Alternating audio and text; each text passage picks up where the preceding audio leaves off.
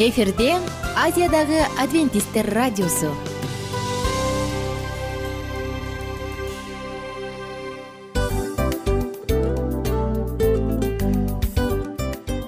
Достор салют. Баардык сүйүктүү угармандарыбызга салам айтабыз. Кутман күнүңүздөр менен. Ден соолук өмүрдүн булагы демекчи саламат саамы программасында баарыңыздарды көргөнүбүзгө абдан кубанычтабыз. Анда алгач амандашып өтөлү арбаңыздар деп. Ден соолугуңуздар кандай элибизде көбүнчө ден соолук кандай дегенде эле жакшы деп жооп беребиз э? ооруп турсак дагы жакшы дейбиз. Анан мен муну айтып ойлойт элем бул абдан сонун сөз депчи анткени бул жакшы деген үмүт да э ооба. баары жакшы болот баары сонун. Деп үмүттөнүп атып эле өзүбүздү өзүбүз дарылап коебуз. Анысы кандай? Сиздин дагы ден соолугуңуз жакшы беш деген үмүттөбүз чындыгында ден соолук бул өмүрдүн булагы деп бекеринен айтылган эмес деп ойлойм. Кыргыз элинде анткени эгерде ден соолук жок болсо анда адамдын жашоосунда калган баардык керектүү маңыздуу нерселер өзүнүн баалуулугун жоготуп коет. Ошондуктан ден соолук бул эң керектүү нерсе. Ооба туура айтасың кесиптешим чынында ден соолугуң жок бир эки үч күн ооруп калсаң эле э кандай болуп калат? Жашоодо көз каранды болуп каласың көп нерсеге жетишпей каласың көп нерсени кыла албай каласың жада калса эшикке дүкөнгө да чыга албай каласың. Туптуура анан ден соолук болсо демек биз биздин бактыбыз тоотойт деп койсок болот. Анда достор саламат саамы рубрикабызды баштайлы. Алдыда өзүңүзгө керектүү болгон сонун кеңештерди уга аласыздар. Мына ошондуктан биз менен бирге болуңуздар. Ал эми биз болсо милан жана айнура. Кеттик алга. Алга саламат саама ден соолуктун жарчысы. Саламат саама ден соолуктун ачкычы. Күн сайын сиз үчүн мыкты кеңештер сонун жаңылыктар кызыктуу фактылар. Биздин рубрикада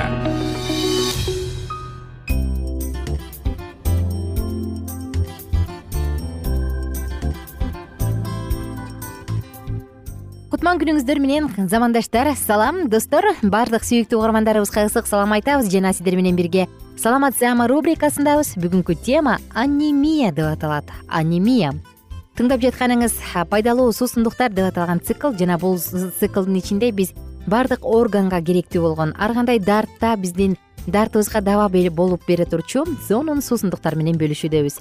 Жана албетте бүгүнкү кезек анемия жөнүндө болмокчу анемия аз кандуулук медицинада анемия деп аталат э? Бул илдет менен көбүнчө кош бойлуу аялдар жаш балдар көп жабыркашат. Эгер аял кош бойлуу кезинде аз кандуулук менен жабыркаса ымыркайдын каны аз болуп төрөлөт дешет медиктер. Анда аз кандуулукпу же анемиябы бул жөнүндө алдыда кененирээк сөз кылалы. Гемоглобиндин нормасы аялдарда жүз жыйырмадан жүз кырк грамм литрге чейин болушу керек. Эркектерде жүз жыйырмадан жүз алтымышка чейин болушу керек аз кандуулуктун келип чыгышына көбүнчө канды көп жоготуу эритрициттердин бузулушунун күчөшү кан пайда болуунун бузулушу ошондой эле кээ бир жугуштуу оорулар кургак учук дизентерия жана башкалар себеп болушу мүмкүн. Эми анемиянын келип чыгышын айта турган болсок адамдын канынын кескин түрдө азайышынын бир нече себептери бар. Ар кандай травма алганда төрөт учурунда канды алып жууруучу кан тамырлары жарылганда болот. Айрым оорулар адатка айланган учурда мурундан кан акканда геморрой менен ооруганда ашказан жана он эки эл ичегинин жарасында шишик ооруларында менструалдык кан агуунун көлөмү көбөйгөндө да анемия пайда болот. Ошондой эле организмге витаминдердин жетишсиздиги дагы себеп. Организмге керектүү болгон темирдин жетишсиздиги б тобундагы с витаминдеринин фолио кычкылынын аздыгы жана адатка айланган оорулар болушу мүмкүн. Адатка айланган оору менен ооруган адамдар көптөгөн химиялык дары дармектерди ичишет го. Ал эми химиялык элементтер эритроциттер менен гемоглобиндин санын азайтат аз кандуулук аялдардын кош бойлуу мезгилинде пайда болот. Анткени аялдын организминде бир эле мезгилде эки адамга керектүү азык заттар витаминдер талап кылынат. Эми андан ары уланта турган болсок анемиянын белгилери кандай? Анемия менен ооруганда организмге кычкылтек жетишсиз болуп анын натыйжасында алсыздык баш айлануу эс учун жоготуу кулактын тунуп калуусу жүрөктүн кагуусунун күчөшү энтигүү дайыма коштоп турат. Эң биринчиден нерв системасы жабыркап адамдын ачуусу тез келип ачуулуу болуп калат. Мээге кычкылтек жетишпегенден улам адамдын башы тынымсыз ооруп эс тутуму төмөндөйт жана көзүнүн көрүүсү начарлайт жүрөккө күч келип тез тез дем алып айрым учурда приступ бериши дагы мүмкүн. Организмде темирдин жана витаминдердин жетишсиздиги жалпы органдардын иштөө функциясын дагы төмөндөтөт. Адамдын эмгекке жана жумушка болгон жөндөмдүүлүгү азаят. Териси кургап тырмактары сынып сыйрылат. Чачы түшөт эске тутуу кыйындайт ошондой эле тили кургап суюктукка болгон талабы жогорулайт. Адам кээ бир нерселерди мисалы топуракты боорду жегиси келет. Ал тургай мурун өзүнө жакпаган жыттарды самай баштайт. Карачы. Муну алдын алыш үчүн гемолиздик түрүн алдын алууда өнөкөт ичеги карын ооруларын өз убагында аныктап дарылоо дагы чоң мааниге ээ мунун кесепети албетте жогоруда айтылгандай эң көп эле эгерде сиз туура тамактанууну кааласаңыз муну алдын алгыңыз келсе жер жемиштерди көбүрөөк тамак катары жеңиз сүт азыктарында темир азыраак аз кандуулук менен жабыркаган адам убактылуу сүттүү тамактардан баш тартып турса да болот. Гречканын курамында темир көп андыктан гречканы көбүрөөк колдонуңуз. Чайды тамак менен кошуу жана тамактанып бүтүп дароо ичүүгө болбойт. Анткени чай биз жеген тамактардагы витаминдерди жууп салат. Ошондуктан чай тамактангандан кийин эки сааттан кийин ичсеңиз болот анемиянын белгилери байкалар замат терапевт же гематолог дарыгерге кайрылууну эске алыңыз. Мына достор эми анемияда биз кандай смузи сунуштайбыз? Бүгүнкү смузи антианемиялык жашыл деп аталат. Негизи өңүндө жашыл пигменттер бар болгон азыктар албетте бизге абдан пайдалуу. Анын ичинен шпинат авокадону колдонсоңуз болот. Булардын баардыгы тең кандын көбүрөөк иштелип чыгышына жардам берет андан тышкары киви. Киви дагы эң сонун жемиштердин бири. Анын курамында с витамини көп жана шпинат авокадо жүзүмдөгү темирлердин дагы оңой сиңишине жардам берет. Ошондой эле адамга сергитүүчү адамды ушундай бир сергитүүчү сонун сергектик берүүчү сонун азык бул нерсени жеп туруу менен бирге өзүңүздүн ден соолугуңузга кам көрсөңүз болот. Кантип жасалат эки порция үчүн ар бири эки жүз элүү миллилитрден. Орто көлөмдөгү эки киви керек жарым авокадо орто көлөмдө бир чашка шпинат бир чашка жүзүм ширеси колдон келсе жаңысы кылган алганыңыз жакшы. Эки аш кашык меласа же кара потока аны панелла менен алмаштырып койсоңуз болот же клен сиропу менен алмаштырып коюңуз. Эми кивини авокадонун баардыгын тең ичиндеги сөөгүн чыгарып тазалап алыңыз баарын блендерге салыңыз дагы бирдей суюктук пайда болгончокто аралаштырыңыз. Болду смузи даяр. Мындай смузи антианемиялык касиетке ээ. Адамды адамга антидепрессанттык дагы сонун касиетке ээ болгондуктан депрессиядан сактайт адамга кошумча энергия берет тазалайт жана кандагы холестериндин деңгээлин төмөндөтөт. К витамини с витамини жез магний витамин б алты фалат калий е витамини темир кальций селен цинк булардын баардыгы тең бир порция минералда кездешет. Жашыл өсүмдүктөрдү ичиңиз жеңиз колдон келишинче өзүңүздүн саламаттыгыңызга кам көрүңүз. Антианемиялык жашыл деп аталган смузини бир гана анемиясы бар адамдар эле эмес. Албетте анемиясы бар боло турган болсо сөзсүз ичиш керек. Анткени ал даамдуу жана азыктандыруучу сергитүүчү суусундук. Андан тышкары деги эле депрессияга кабылып атсаңыз же өзүңүздө өнөкөт чарчоону байкай турган болсоңуз анда бул суусундукту ичип саламаттыгыңызды чыңдасаңыз болот. Достор биз сиздер менен коштошчу учурга келдик. Анемия кайсы бир учурда кыйыныраак гемоглобин азайганда дагы дал ушундай оору келип чыгат ошондуктан гемоглобинди кандын курамындагы баардык эритроцит гемоглобиндин баардыгын туура өлчөмдө сактап туура тамактаныңыз стресстен ашыкча кан жоготуудан алыс болуңуз мен болсо сиздер менен коштошом. Кайрадан кийинки уктуруудан амандашканча достор. Күнүңүздөр көңүлдүү улансын. Кийинки уктурууда биз сиздер менен бирге токсиндер тууралуу сөз кылабыз. Уулуу заттар жөнүндө сөз кылабыз. Организмди уулуу заттардан эмне коргой алат? Мына ушул жөнүндө кенен сөз болот. Ага чейин ар бириңиздерге кааларыбыз. Күнүңүздөр көңүлдүү улансын. Бар болуңуздар жана бай болуңуздар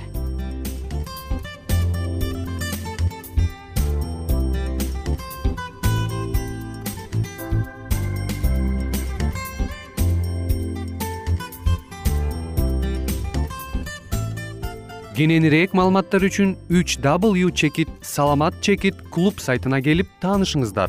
Жана андан тышкары социалдык тармактарда youtube facebook жана instagram баракчаларына катталыңыз.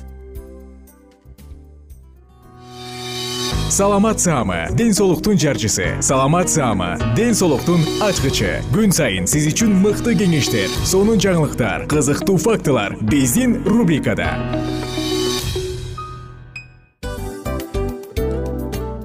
салам достор. Кайрадан биздин сүйүктүү рубрикабызга кош келиңиздер деп айтмакчыбыз.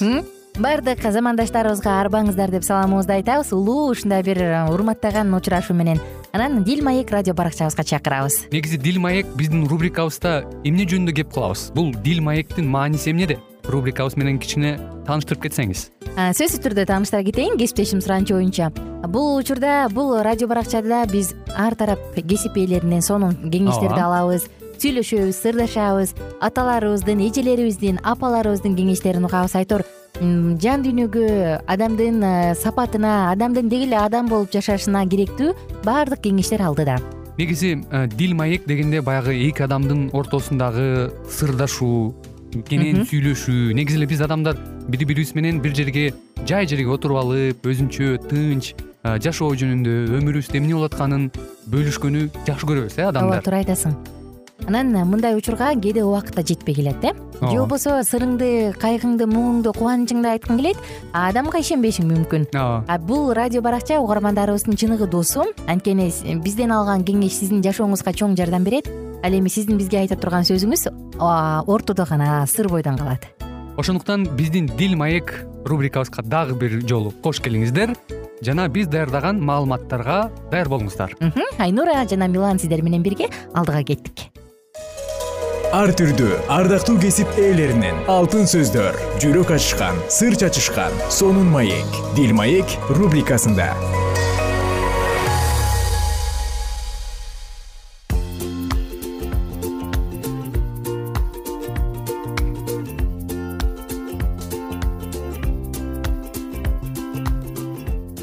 салам достор. Кандайсыздар угармандар? Жалпыңыздар менен жыштыгыбыздан үн алышканыбызга кубанычтабыз. Жана бүгүн дагы сиздер менен бирге сонун темабызды уланталы. Сонун тема бул бүгүн сиздер менен дем алуунун зарылдыгы жөнүндө сөз кылалы деп турабыз. Тыңдап жатканыңыз дил маек уктуруусу жана бул учурда бактылуу үй бүлө деп аталган циклды андан ары улантабыз. Эсиңизде болсо мурунку уктурууда дем алуу эмне үчүн керек экендигин айтып өткөнбүз. Эсиңиздеби кудай дем алууну жумуш иштегендер үчүн жараткан деген макал менен бөлүшкөнбүз. Мага бул макал абдан жакты. Кайсы элдин макалы экенин билбейм бирок бул макал жакты. Чындыгында ишенбеген адамдар же кудайга ишенбеген адамдар динчил эмес адамдар эс алууда ичип чегип ары бери барып ыплас иштерди жасап кээде ушундай тилекке каршы ушундай эс алдырып калгандарын көрөсүң дешет да бир адам. Ал эми бирок адамдын табиятынан бул нерсе бала чактан эле калыптанат го дейм эгерде ата энелер эс алууну ушундай өткөрсө демек бала да бала үчүн дагы эс алуу демек ушундай. Эгерде ата эне эс алууда үй бүлөсүнө көбүрөөк көңүл буруп үй бүлөсү менен баарлашып үй бүлөсүнө ушундай бир өзгөчө эс алууну уюштуруп берип эс ала турган болсо демек албетте балдар дагы ошондой эс алууну эле улантат. Бүгүн сиздер менен эс алуу эмне үчүн керек? деген темабызды андан ары улантабыз адамзат негизи эле тээ дүйнө жаралганда эле алты күн кудай бул дүйнөнү жаратканын билебиз. Алтынчы күнү адам менен обо энени жаратат дагы жетинчи күнү эс алган караңыздарчы анысы кандай? Бүгүнкү эс алуу бүгүнкү тема дагы маанилүү темалардын бири. Достор эс алууда биз айлана чөйрөгө чыгып жакындарыбыз менен бирге чогуу тамактансак албетте бул эң сонун рахат тартуулайт мындай жагдайларда улуулар жана балдар өздөрүн түйшүктөн эмгектен талап кылган милдеттерден эркин сезишет. Балдар менен мамилешүүдө ата энелер кандайдыр бир сезимде балдардай болуулары керек. Балдарына жана кыздарына канагаттануу алып берилиш үчүн өз колунан келгендеринин баарын жасашсын. Бир күн толугу менен дем алууга арналсын. Ачык абада жасалган көнүгүүлөр мекемелерде иштегендер жана отуруп иш кылган адамдар үчүн өтө эле пайдалуу. Кимде чыгууга мүмкүнчүлүк болсо ишкердүүлүк менен дем алууга умтулуулары зарыл. Эч нерсе жоготууга учурабайт. Бирок көп пайдалуу нерселерди алса болот. Адамдар өз иштерине сергектикте жаңы дем менен киришишет алардын дене мүчөлөрү ар кандай ооруларга каршы турууга даяр болот. Көп сандаган тал теректерди бак дарактарды өстүрүп жана аларды жумшак үлпүлдөгөн жалбырактар менен кийиндирген кудай түгөл жаратылыш падышалыгынан бизди бактысыз кылууну каалабаган. Кимдин иштерин жана таң каларлык эмгегин көрө алабыз. Ал биздин айланабыздагы курчап турган сулуулуктарга көңүл кош карабай жана алардан рахат алуубузду каалайт. Бизди курчаган тоо айлана чөйрө жаратылыш бак дарак өсүмдүктөр гүлдөр эх мунун баары биздин рахатыбыз үчүн жаралган чынбы? Кошуласызбы мага достор кудай өзү тарабынан жаратылган жаратылыш сулуулуктарына суктана кароо менен биздин бактылуу болгонубузду каалайт. Ата энелер балдарынын көңүл көтөрүүгө болгон сүйүүсүн көпчүлүк учурда демилгелеп көтөрмөлөп турушат. Алар жалпы кабыл алган пикирлерге макул болушат.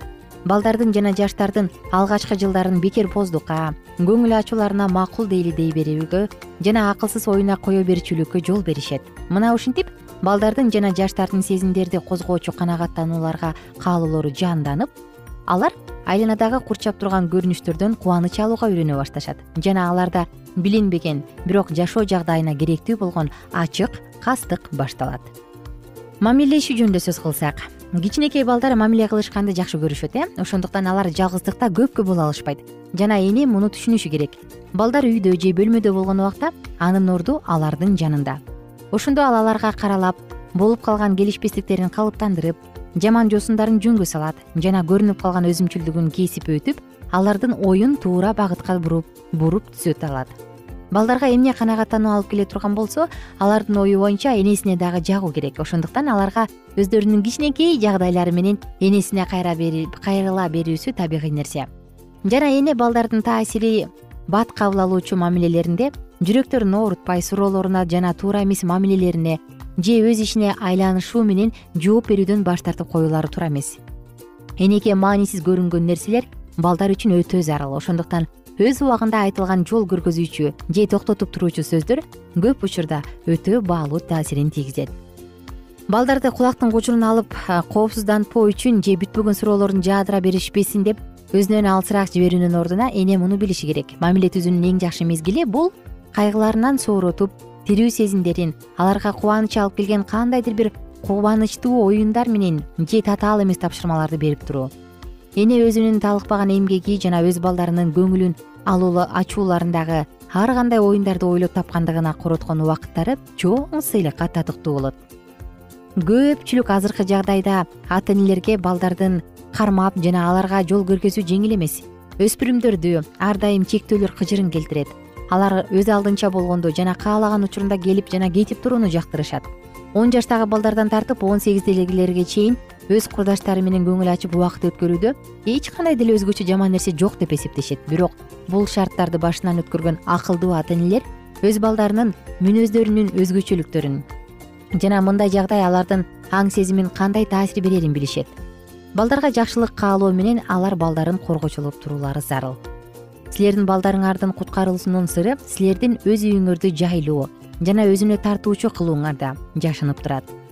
Ата энелер тарабынан болгон баарына жол берүүчүлүк балдарды үйгө жакындатып байлап тура албайт. Аларды көтөрмөлөп жана алардын демилге берүүчү себебин тапкыла. Мына ушулар аларды үй шартына тартып жана аларга ата энелери алар жөнүндө камкордук көрүп жаткандыгын үйрөтүүгө жардам берсин. Жакшы дем алуулары үчүн мен өз балдарыма эмне сунуш кыла алам а сизчи жакшы дем алыш үчүн балаңызга эмне сунуш бере аласыз? Бул тууралуу ойлонолу достор. Анткени бул дагы эң сонун маанилүү сөздөрдүн темалардын бири. Биз болсо сиздер менен саатыбызды жыйынтыктайбыз. Эгер көптөн бери чет жакка чыгып келе элек болсоңуз эс алып келе элек болсоңуз үй бүлөңүз менен чогуу мүмкүн ушул дем алыштарга пландаштырып жакындарыңыз менен барып эс алып келерсиз. Мүмкүн ай сайын болбосо дагы эки айда бир же бир айда бир жолу үй бүлөм менен өзгөчө көңүл буруп эс алам деп өзүңүзгө максат коюп турарсыз. Анткени бул үй бүлө мүчөлөрүнүн мамилелерин бекемдейт. Достор сиздер менен кайрадан амандашканча бар болуңуздар күнүңүздөр көңүлдүү улансын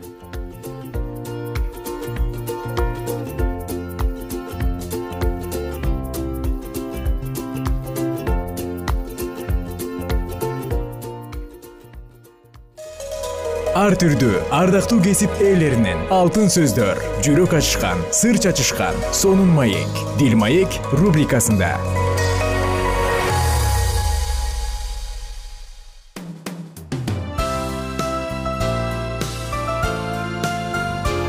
Эфирде азиядагы адвентисттер радиосу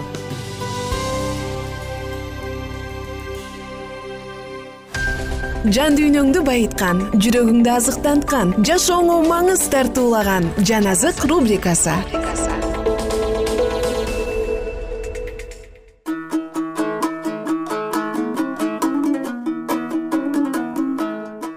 салам достор. Жалпы биздин сүйүктүү угармандарыбызга салам. Кутман кушубак күнүңүздөр менен жана кайрадан сиздер менен биз жаңы дагы бир циклды баштадык. Бүгүн инжил китебинде жазылган элчилердин иштери деп аталган китебибизди бирге улантабыз. Бирге баштайбыз жана андагы болгон кызыктуу окуялар менен бирге таанымал болобуз тааныш болобуз достор. Жалпыңыздарды жаназык уктуруусуна чакырабыз жана биз менен бирге болуңуздар. Жаназык уктуруусу. Элчилердин иштери биринчи бөлүм теопиль ыйса өзү тандаган элчилерге ыйык рух аркылуу буйрук бергенден кийин асманга алынып кеткен күнүнө чейин башынан баштап эмнени жасаса эмнени үйрөтсө ошонун баарын мен сага биринчи китепте жазгам. Азап тартып өлгөндөн кийин кырк күн ичинде ыйса аларга көрүнүп кудайдын падышачылыгы жөнүндө айтып өзүнүн тирүү экендигин көптөгөн далилдер аркылуу көрсөттү анан ыйса аларды чогултуп мындай буйрук берди. Иерусалимден кетпегиле. Атанын убадасын менден эмнени уксаңар ошону күткүлө анткени жакан сууга чөмүлдүргөн. Ал эми силер бир аз күндөн кийин ыйык рухка чөмүлдүрүлөсүңөр. Ошондуктан алар бир жерге чогулушканда ыйсадан теңир сен ысрайыл элинин падышачылыгын ушул убакытта калыбына келтиресиңби деп сурашты ыйса болсо аларга мындай деп жооп берди.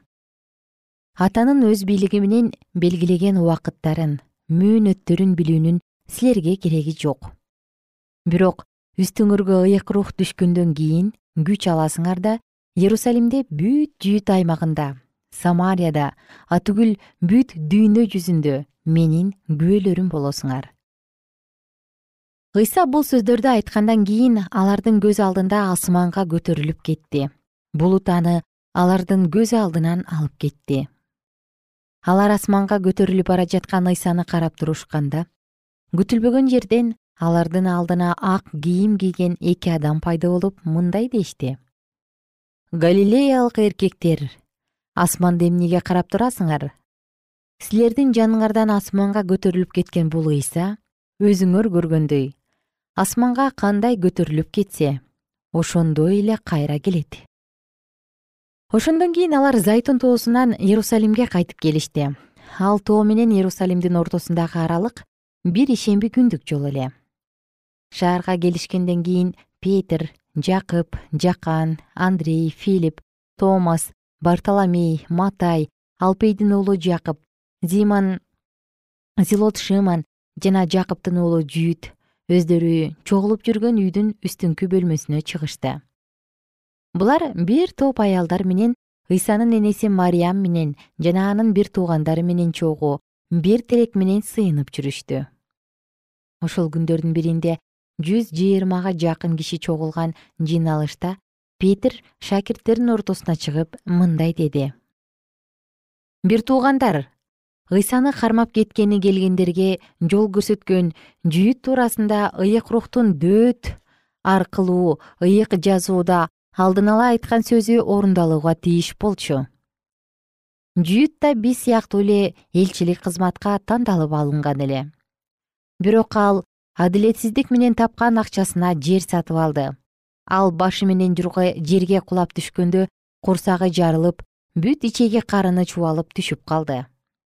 Бул окуя иерусалим тургундарынын бардыгына маалым болду. Ошондуктан ал жер алардын эне тилинде акелдама деп аталып калды.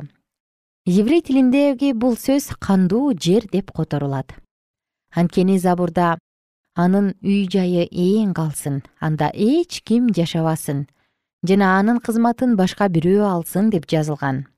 Ошондуктан бизге бир адам кошулуп ыйсанын өлүп кайра тирилгенин биз менен бирге күбөлөндүрүүсү керек. Ал адам теңир ыйса биздин арабызда жүргөн убакытта башкача айтканда жакан сууга чөмүлдүрө баштагандан күндөн тартып ыйса биздин арабыздан асманга көтөрүлүп кеткен күнгө чейин биз менен чогуу жүргөндөрдүн бириси болушу керек. Ошондо алар эки кишини жус деген да барзапа деген да ысымы бар жусупту жана матиди алдыга чыгарып мындай деп сыйынышты. Теңир сен ар бир адамдын жүрөгүндөгүсүн билесиң. Бул эки адамдын кимисин тандаганыңды бул элчилик кызматка экөөнүн кимисин дайындалуусу керектигин көрсөтүп бер анткени жүйүт бул кызматты таштап өзүнө тиешелүү жерге кетти. Андан кийин алар өкчөмө таш ыргытышты. Өкчөмө таш матийге түштү. Ошентип ал он бир элчинин катарына кошулду. Элчилердин иштери экинчи бөлүм. Элүүнчү күн майрамында алардын баардыгы бир жерге чогулушту.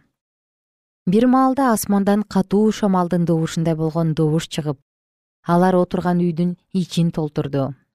Анан жалындай болгон тилдер бөлүнүп бөлүнүп алардын ар биринин үстүнө түштү.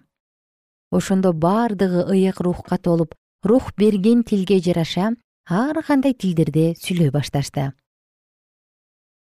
ошол убакта иерусалимде бүт дүйнө жүзүнөн келген динчил жүйүттөр бар эле. Бул добушту уккан адамдар чогулуп дүрбүлөңгө түшүштү. Анткени шакирттер ошол адамдардын ар биринин тилинде сүйлөп жатышкан эле. Баардыгы айраң таң калып өз ара мындай деп сүйлөшүп жатышты. Сүйлөп жаткан бул адамдардын баардыгы галилеялыктар эмеспи? Булар кандайча ар бирибиздин эне тилибизде сүйлөп жатышат?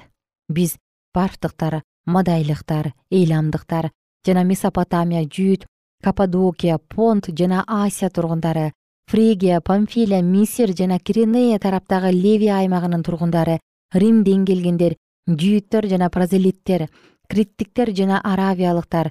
Өз тилибизде алардын кудайдын улуу иштери жөнүндө айтып жаткандарын угуп жатабыз. Баардыгы аң таң болуп эмне дешерин билбей бири биринен бул эмнеси деп сурашты ал эми кээ бирөөлөрү алар таттуу шарап ичип мас болуп алышса керек деп шылдыңдап жатышты.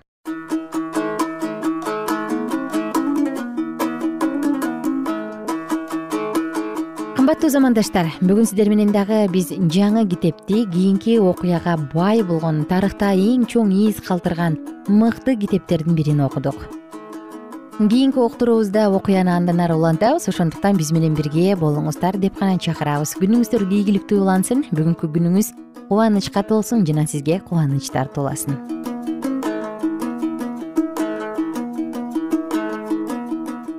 эгер сиздерде суроолор болсо же көбүрөөк маалымат билем десеңиз анда биздин whatsapp номерибизге жазыңыз.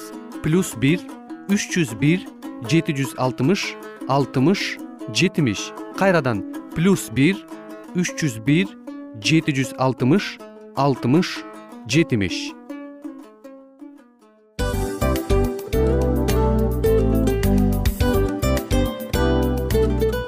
Достор биздин радио баракчаларыбыз соңуна келди. Демек бул программабызды дагы жыйынтыктачу учур келдик. Учурга келдик. Анан кесиптешимден сурагым келип турат. Негизи эле иштин башталып атканы кубандырабы сени же жыйынтыгы кубандырабы албетте жыйынтыгы. Себеп дегенде сен кылган ишиңдин жыйынтыгын көрүп э, баягы мөмөсүн көрүп дегендей жыргайсың жүрөгүң жемишинен тартып э? Кандай даамдуу деп. Баягы буудай сепкенде эмес буудай эгинди жыйнагандан кийин ысык нанды жегенде кадимкидей ырахаттанасың го. Ой айтпа туура айта кеттиңиз. Сонун салыштыруу болду анан мен дагы абдан кубанып турам анткени биз угармандарыбыз үчүн аябай эмгектенип келген уктуруубуздун соңуна келип калдык. Анан эми уктуруубуздун соңунда угармандар кандай пайда алып калды экен деп күтүп турам да. Балким э, менин жашоомо өзгөрүү киргизе турган сонун сөздөр болду. Мен ушул нерсени изилдеп анан кабыл албасам ушул нерсени кылбасам деген чечим чыгарсаңыз анда биз абдан кубанычтабыз. Сөзсүз түрдө. Андыктан кийинки биздин кызыктуу уктурууларыбыздан көрүшкөнчө сак саламатта калыңыздар. Чыдамсыздык менен сиздерди мен милан жана кесиптешим айнура күтөбүз баардык угармандарыбызга ийгиликтүү күн каалайбыз. Качан гана болбосун уртуңуздан жылмаюу кетпесин үйүңүздө көмүр жүрөгүңүздө көңүл болсун дейли